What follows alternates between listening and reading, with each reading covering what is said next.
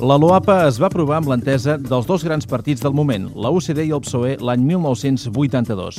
Un any després d'un cop d'estat que per l'expresident Jordi Pujol tenia una motivació clara. Molta gent del 23F, o que s'hi podien veure involucrats segons com, que era anar contra les autonomies, sobretot contra l'autonomia de Catalunya, no sé si del País Basc, però contra Catalunya de manera molt clara. I la prova és que després del 23F el primer que va aparèixer va ser la LOAPA, no? A Euskadi, l'expresident del Partit Nacionalista Basc, Xavier Arzallus, tenia una sensació similar. Por esta, esta era un poco el, pero de nuestras autonomías. Cuando digo nuestras, digo la vasca y la catalana. Les parecieron que se habían pasado. Incluso habían pasado la Constitución y eso había que volverlo a su cauce. Això sí, tothom reconeix que la LOAPA era inevitable i el 23F només la va accelerar.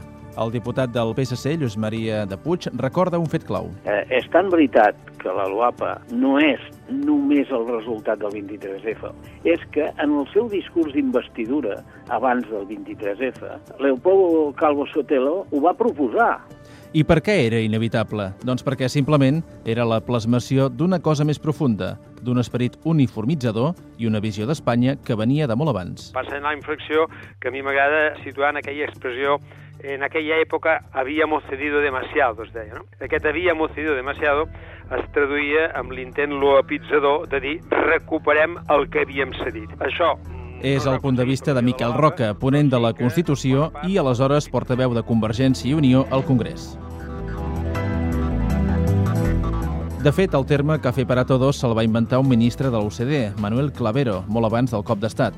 El problema és que ningú tenia massa clar com calia servir el cafè. El cafè para todos, que jo crec que al final ha sigut un, un èxit històric, no? Ara, en aquell moment es produïa un desgavell enorme, no?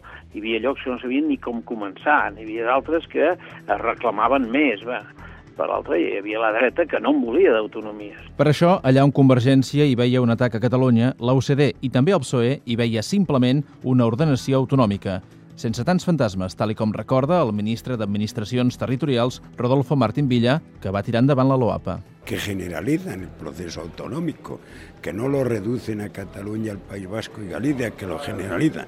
Eh, por lo tanto, quiere decir que el proceso no, no se cortó. Però aquesta visió no la compartien molts catalans. Per això es va implantar el Café para Todos, per això ja es va començar a mirar de pressionar, i nosaltres ja estàvem advertits. El Martín Villa, que ens va dir, escolta, anirem per aquí en un sentit restrictiu, no? Tan restrictiu ho veia Pujol que de fet hi va presentar recurs i el Tribunal Constitucional li va donar la raó. Va tombar el gruix de la LOAPA l'agost de 1983. La LOAPA com a llei es va quedar amb poca cosa, però la seva tramitació va enfrontar com mai Convergència i el PSC, i el seu esperit no es va morir. La LOAPA, com a tal llei, no va tenir unes conseqüències eh, operatives. El que sí que posava de manifest és una voluntat.